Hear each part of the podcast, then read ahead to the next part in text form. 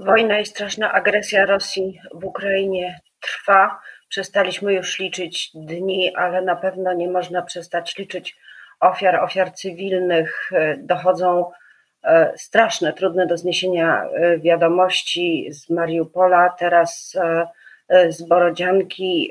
To są rzeczy, które trudno pojąć, zrozumieć, ale które wszyscy odczuwamy. Trwa też dramat uchodźców z Ukrainy, także tych, którzy są w Polsce pozostawili swoje domy, ale są też jeszcze uchodźcy, którzy cały czas przekraczają drugą granicę polsko-białoruską. O tym wszystkim będę już za chwilę rozmawiać z moim gościem, Zuzanna Dąbrowska. Dzień dobry. A moim gościem jest eurodeputowana Platformy Obywatelskiej, twórczyni Polskiej Akcji Humanitarnej Janina Ochońska, e, kobieta instytucja, tak można by powiedzieć. Jeśli chodzi o tematykę humanitarną, uchodźczą. Dzień dobry. Dzień dobry. Pani poseł, jak my się możemy czuć jako, jako Polacy, załóżmy, że osoby wrażliwe na ludzką krzywdę, patrząc na to i słuchając tego, co dzieje się w Ukrainie, na wschodzie, w tych miejscowościach, które są, w których są odkrywane e, ślady e, okupacji rosyjskiej, których są odkrywane zwłoki, gwałty i, i, i wszystkie te nieszczęścia, które, o których się dowiadujemy. Czy my możemy zrobić coś więcej, tak po prostu jako ludzie? Ja myślę, że w każdej sytuacji coś można zrobić. Jeżeli nie możemy zrobić czegoś fizycznie, czyli płacić pieniędzy na jakąś organizację, czy poświęcić swój czas wolontaryjnie Teraz y, właściwie uchodźcy ukraińscy są w całej Polsce, więc y, jak ktoś ma czas, to, to ręce i, i czas są bardzo potrzebne. Chociażby porozmawiać z taką rodziną. E, przecież nawet jak nie znamy języka ukraińskiego, to można się porozumieć. Y, wystarczy po prostu dobra wola. E, natomiast myślę o tym, co, co robimy czasami w mediach społecznościowych. E, I tutaj można zrobić wiele dobrego, mówiąc o tym, co się dzieje, e, potępiając tę agresję. Wie Pani, wydawałoby się, że, że słowo nie ma takiego znaczenia, że w mediach społecznościowych ukazują się różne informacje, ale jeżeli chcemy czytać historię ludzi, bo to jest najbardziej poruszające. One nastawiają pozytywnie. E, jeżeli e, chcemy dowiedzieć się czegoś więcej o Rosjanach, ja muszę powiedzieć, że mnie na przykład bardzo bolą w internecie takie wpisy nienawidzę Rosjan.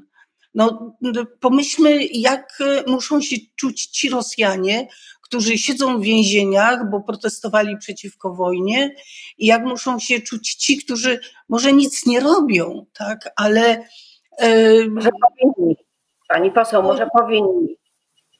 Mo, y, może powinni. Każdy człowiek ma obowiązek do jednak jakiejś reakcji, ale milczących ludzi zawsze jest dużo i w Polsce są milczący na, na, inne tematy, i w Rosji teraz są ludzie, którzy milczą. Ja znam tę głęboką Rosję, która wygląda tak, jakby nie tknął jej w ogóle XXI y, wiek, y, ani pierwsza połowa XX, więc y, ci ludzie tak naprawdę skazani tylko na informacje dochodzące z państwowych mediów, po prostu nie wiedzą. Chodzi mi tylko o to, żeby nie budować w sobie wrogości. Ona niczego nie stworzy, niczego dobrego. E, ja wiem, że to jest trudne, bo, bo, to jest bardzo trudne. Powiem pani, że ja oglądając e, to, co dzieje się w miejscach, które pani wy, wymieniła, do tego Bucza, no, w ogóle ta straszna wojna, która e, widać, że jej celem jest takie totalne zniszczenie budzi się we mnie bunt. Tylko wie pani, ja, ja uważam, że ten bunt, ten, ten bunt nie powinien przeradzać się w nienawiść, powinien przeradzać się w coś konstruktywnego. Jeżeli nie potrafimy wyrazić czegoś pozytywnego o Rosjanach, to nie mówmy niczego, tak? Mówmy o tym, co robią, co robią ci, którzy są w Ukrainie, co robią ci, którzy wydają rozkazy, którzy opłacają tę wojnę. Bo to są ludzie winni, tak? Dla nas, y, Polaków. Y, pani poseł, są winni, ale szanse na to, że będą osądzeni są e, niewielkie. Oczywiście Międzynarodowy Trybunał Karny, y, właściwie prokuratorzy ukraińscy zbierają dowody zbrodni we współpracy z Międzynarodowym Trybunałem Karnym. To się dzieje już, ale no wiadomo, że jeżeli e, Rosja nie zostanie pokonana całkiem, a trudno sobie to e, wyobrazić, że nie wiem, wjadą amerykańskie Abramsy do Moskwy, to chyba tak nikt nie myśli. Więc jeśli nie będzie takiego zwycięstwa, to te osoby nie zostaną nigdy osądzone. Jak z tym żyć? Jak, jak społeczeństwo na przykład cywilizowanej Europy, Unii Europejskiej ma żyć z taką świadomością? nie należy żyć z taką świadomością. Znaczy, chcę przez to powiedzieć to, że nie możemy dopuszczać myśli o tym i robić wszystko, żeby te osoby zostały osądzone. Powiem pani, że na mnie zrobiło wrażenie to, że my teraz, my już wiemy, kto zabijał w Buczy.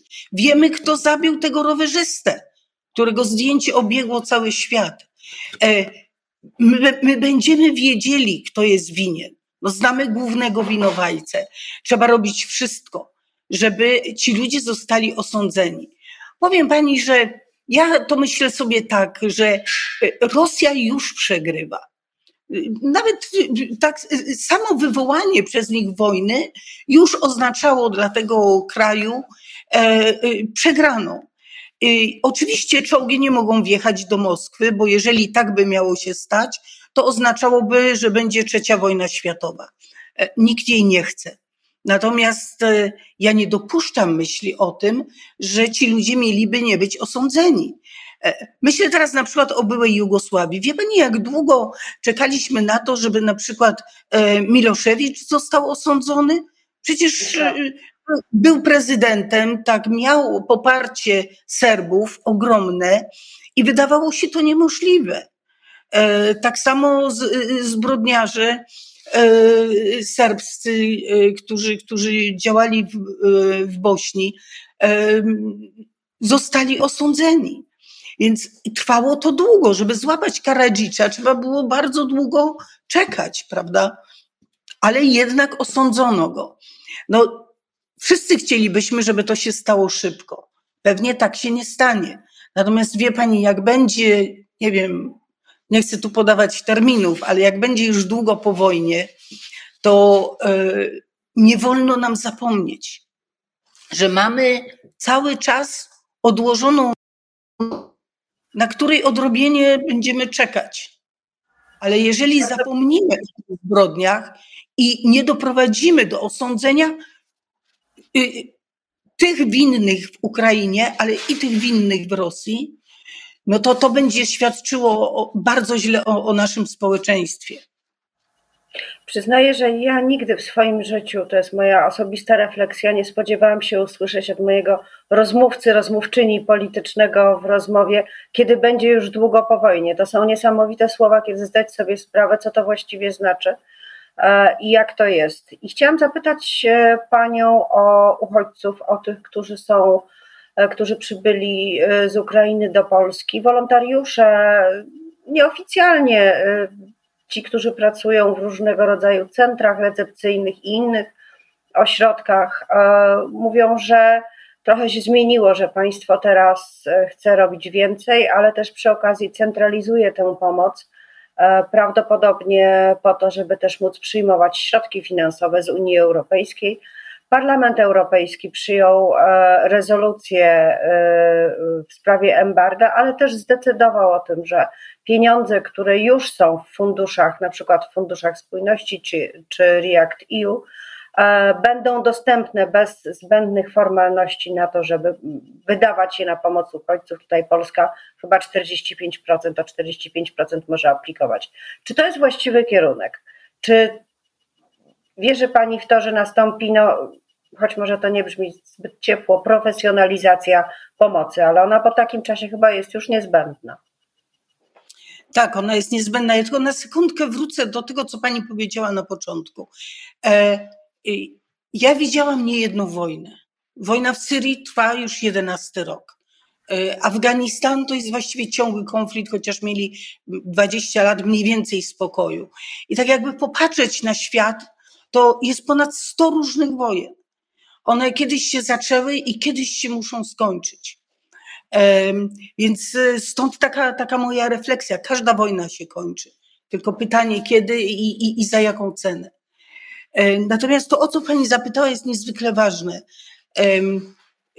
Na, na, każdym etapie pomocy musi nastąpić profesjonalizacja, czyli musi być e, system, musi być koordynacja i e, wolontariusze zaangażowani w tę bezpośrednią pracę chociaż potrafią bardzo dobrze skoordynować działania e, w swoim mieście, czy, czy, czy na dworcu, gdzie działają, czy w punkcie recepcyjnym, to, e, to nie ogarną całości, tak, całości kraju. E, w związku z tym rząd musi tutaj wejść i szkoda, że wchodzi tak późno i szkoda, że dzieje się to w taki sposób, jak na przykład w Poznaniu, gdzie e, e, poseł chce jakby zarządzać teraz tym, co, co robili wolontariusze. Ja to widzę tak. Rząd ma i, i dysponuje pewną strategią, którą przedstawia. E, wyznacza osoby do wojewódzkiej koordynacji, ale to muszą być osoby nie wojewoda, tak? Tylko to muszą być osoby, które będą miały czas, to powinny być osoby zatrudnione i e, e, w ten system można włożyć pieniądze dla samorządów, dla organizacji oraz oczywiście do, dla, dla, dla władz. Y, I y, jeżeli rząd zrezygnuje z pomocy wolontariuszy, to to będzie klęska tego programu. Czyli profesjonalizacja tak, ale wolontariusze, ludzie dobrej woli, którzy będą się chcieli angażować i którzy są bardzo potrzebni. Wie pani, urzędnik nie pójdzie do ośrodka, gdzie będą mieszkali uchodźcy, y, żeby porozmawiać. Urzędnik no, może formalnie załatwić sprawę e, zamieszkania e, uchodźców ukraińskich, którzy są w rodzinie, żeby ta, ci ludzie mogli zamieszkać gdzie indziej. Wiemy, że wszystkie rodziny nie uniosą tego ciężaru. Przepraszam, no, nazwijmy to słodki ciężar, tak? No bo ci, którzy przyjmują, nie chcę przez to powiedzieć, że e, jest to dla nich taki ciężar E, nie do zniesienia. Sami na to się zdecydowali, zaprosili tych ludzi. No ale e, wiadomo, że trudno jest e, przyjmować uchodźców na długi czas, jeżeli dysponuje się no, niedużą powierzchnią mieszkaniową. Część uchodźców zostanie w rodzinach, bo część rodzin ma takie warunki. Mają osobne mieszkania, mają jakieś domy i to się dzieje. Znam osoby publiczne, które udostępniły swoje e, dodatkowe mieszkania czy właśnie domy. Ale rząd musi powiedzieć, co zrobić z uchodźcami, którzy są u rodzin, które, którym już jest trudno e, utrzymywać te rodziny u siebie. Proszę zobaczyć. Czeka nas, nas budowa obozów? Czy czeka nas E, czekają nas te obrazki, które znamy z Syrii, które znamy z Turcji, chociaż tam nawet częściowo nie ma tylu obozów, ile, e, ile jest potrzebnych mimo tej, tych pieniędzy z Unii Europejskiej. Czy to jest e, przyszłość, następny rok, dwa lata Polski także? Te obozy? Nie, ja, ja nie sądzę, że, żeby miały być budowane obozy. E, rząd tutaj musi wyasygnować pieniądze i te pieniądze są również w Unii Europejskiej, zarówno w Funduszu Spójności, są też pieniądze, e, które e, zostaną uwolnione ze środków, których Polska nie wykorzystała, tylko trzeba złożyć wnioski. Nie wiem, może już zostały złożone, ale jeszcze dwa dni temu czy wczoraj nie było takich informacji o tym, że zostały złożone wnioski. Został złożony wniosek dotyczący rolników, ale został złożony źle. E, więc y, muszą pójść wnioski do y, Unii Europejskiej. Te pieniądze Polska dostanie. bo jak na razie to Polacy utrzymują uchodźców, to Polacy organizują e, pomoc dla uchodźców, to jest absolutnie na barkach społeczeństwa. Rząd robi za mało. Rząd robi za mało, nie ma jak na razie ani strategii, żadnych planów, nie wiemy. E, ja widzę to tak, że E, są y, ośrodki wypoczynkowe, są y, hotele, które można sfinansować tam pobyt y, osób. Budowa obozów absolutnie nie wchodzi w grę. Natomiast wyobrażam sobie, że mogą zostać zbudowane jakieś takie, nawet moja organizacja dostała taką propozycję kontenerów, które można ustawić w jakiś tak jak przy powodzi, tak? No, nie jest to może najlepsze, ale lepsze to niż y, y, mieszkanie w, namiocie. Do tego na pewno nie dojdzie. Jakby wie pani, z tego etapu rodzinnego do obozów bardzo trudno jest przejść. Zresztą rząd na to też nie jest przygotowany, bo wie pani, mówimy obóz, ale e, takie miejsca mogą naprawdę wyglądać bardzo dobrze ja powiem pani, że najlepsze obozy widziałam e, w Turcji i nazwanie tego obozem jest może trudne, ale takie miasteczka kontenerowe, gdzie był i szpital, i szkoła, jedna, druga, e, przychodnia, przedszkole, e, wszystko w, w, w, utrzymane w czystości, internet, telefony, woda, takie wyposażenie. Widziałam takie trzy obozy w, w Turcji. Y, oczywiście one są na, tam na 260 tysięcy uchodźców. Y, tych uchodźców jest o wiele więcej, reszta właśnie mieszka pod jakimiś płachtami, w namiotach i tak dalej. Więc y, jest możliwość zrobienia tego, tylko wie pani, tu potrzeba koordynacji. E, moja organizacja dogadała się z miastem Warszawa i taka, takich pierwszych 100 kontenerów będzie ustawionych. E, i tam będą mogły osoby zamieszkać. Mamy za mało mieszkań.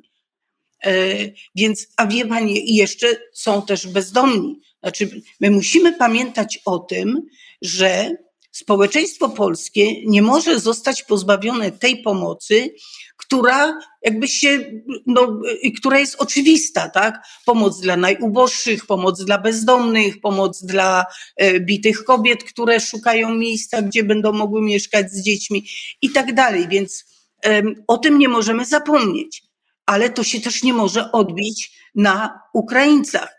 Wie pani, ja ze smutkiem dowiedziałam się, już ostatnie słowo, że są, są Ukraińcy, którzy wracają do Ukrainy, do zachodniej Ukrainy, bo życie dla nich w Polsce jest za drogie. No nie powinno tak być. Często zbyt trudne, bo, bo właściwie nie wiadomo, jak się, jak się y, tutaj y, zakorzeniać, czy się zakorzeniać, czy iść do pracy, czy to, to jest cała masa pytań bardzo trudnych dla każdego, kto ucieka, mm, kto ucieka także przed wojną. Ale ja chciałam zadać ostatnie pytanie dotyczące, y, no, dotyczące tej linii granicznej, która jest troszkę wyżej, czyli granica Polska-Białoruś. Y, Rzecznik Praw Obywatelskich na podstawie decyzji Unii o zaangażowaniu, o tym, że uznaje się, że Białoruś jest zaangażowana w wojnę jako agresor uważa, że y, już zdecydowanie e, pushbacki są nielegalne, bo się po prostu ludzi wypycha na terytorium agresora prowadzącego wojnę, ale to zdaje się nie robi na nikim wrażenia i to są jakby dwa światy, dwie Polski. E, przy jednej granicy i przy drugiej. Z czego to wynika? My, można tak powiedzieć, że po prostu jesteśmy rasistami, że kolor skóry czy miejsce pochodzenia decyduje o tym, czy komuś chcemy pomagać jako państwo, czy nie? Ale jako ludzie też. E, pani, tutaj e, trudność polega na tym, że e, to, że za to są tak naprawdę odpowiedzialni ministrowie, czyli minister Kamiński, minister Wąsik oraz Straż Graniczna. Mówię tutaj o zarządzaniu. Oczywiście ludzie, którzy własnymi rękami wyrzucają do lasu kobiety, dzieci, też ponoszą winę, bo uważam, że można odmówić y, wykonania rozkazu. Ale e, to wszystko wiąże się z tym, że jest decyzja polityczna, która zakazuje wstępu do strefy, więc nie, nie mogą tam wejść aktywiści, nie mogą pomóc ludziom, oraz że penalizuje się te organizacje i tych ludzi, oraz to, że uchodźcy, którzy nawet, tak jak ta rodzina kurdyjska, którą złapano już 18 kilometrów poza granicą Polski, oni, y, znaczy wyrzucenie ich z powrotem do lasu jest kryminałem i tak dzieje się e, z wieloma e, e, osobami, są to, tam jest dużo dzieci. Skąd to się bierze? Ci uchodźcy, którzy teraz próbują przekroczyć granicę, to są głównie ci, którzy pozostali w tym obozowisku w Bruzgach, 700-800 osób w, takim, w takiej dużej hali przetrwało zimę. Teraz Białorusini ich wyrzucają w związku z zaangażowaniem w wojnę, czyszczą ten teren. Ci ludzie nie mogą pojechać już do Mińska, w związku z tym są wypychani na granicę polską. I teraz tu są pchani przez Białorusinów, a z tej strony są wypychani przez, y, przez Polaków. To jest dramatyczne. I y, ile jeszcze osób musi zginąć, żeby zmieniono tę decyzję. Wystarczy zlikwidować e, strefę, dopuścić aktywistów i pozwolić tym ludziom złożyć wnioski o ochronę międzynarodową. To nie jest decyzja o tym, że te osoby mają pozostać w Polsce i otrzymać jakiś status. To tylko e, znaczy, że zostanie wszczęta procedura i te osoby albo będą mogły zostać w Polsce, bo taka będzie decyzja, przepraszam, nie ośrodka, tylko biura dla cudzoziemców, e, albo zostaną wydaleni, deportowani.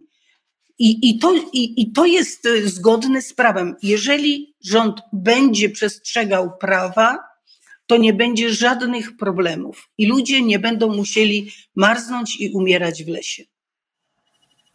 Bardzo dziękuję za tę rozmowę, bardzo dziękuję za, za tę analizę i mam nadzieję, że ten problem e, zostanie, e, zostanie szybko rozwiązany, bo nie możemy go ignorować, nie powinniśmy go ignorować. A moim gościem była eurodeputowana Platformy Obywatelskiej Janina Ochojska, Polska Akcja Humanitarna. Bardzo dziękuję.